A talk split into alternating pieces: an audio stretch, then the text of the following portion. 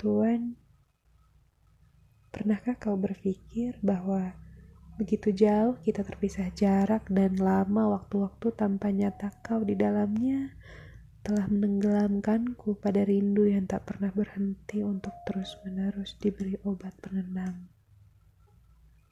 Isi kepala bising.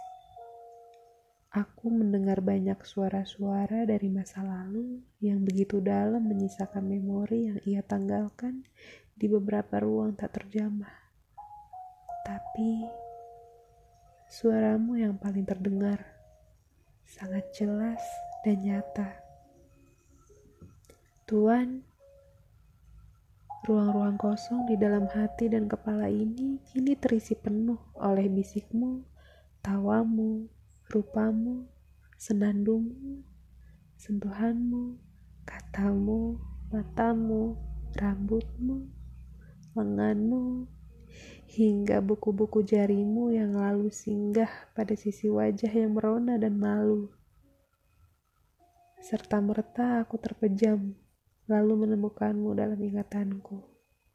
Menguncinya rapat-rapat, meletakkan dengan sangat hati-hati, seakan tidak mau kehilangan kesempatan untuk lupa pada wajah yang syarat akan damai dalam tidurmu malam itu. Tuan, tidak ada kalimat apa pun yang perlu keluar dari mulutku selain aku ingin bertemu maka tidak ada obat paling manjur apa pun selain pertemuan itu sendiri.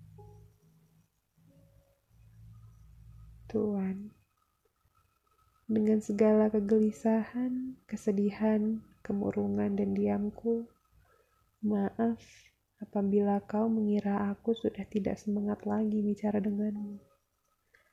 Aku hanya rindu, dan aku sangat menyebalkan kalau sudah rindu tidak tahu harus berbuat apa. Yang perlu kau ingat, perasaanku menjadi semakin kuat dari pertama aku jatuh padamu.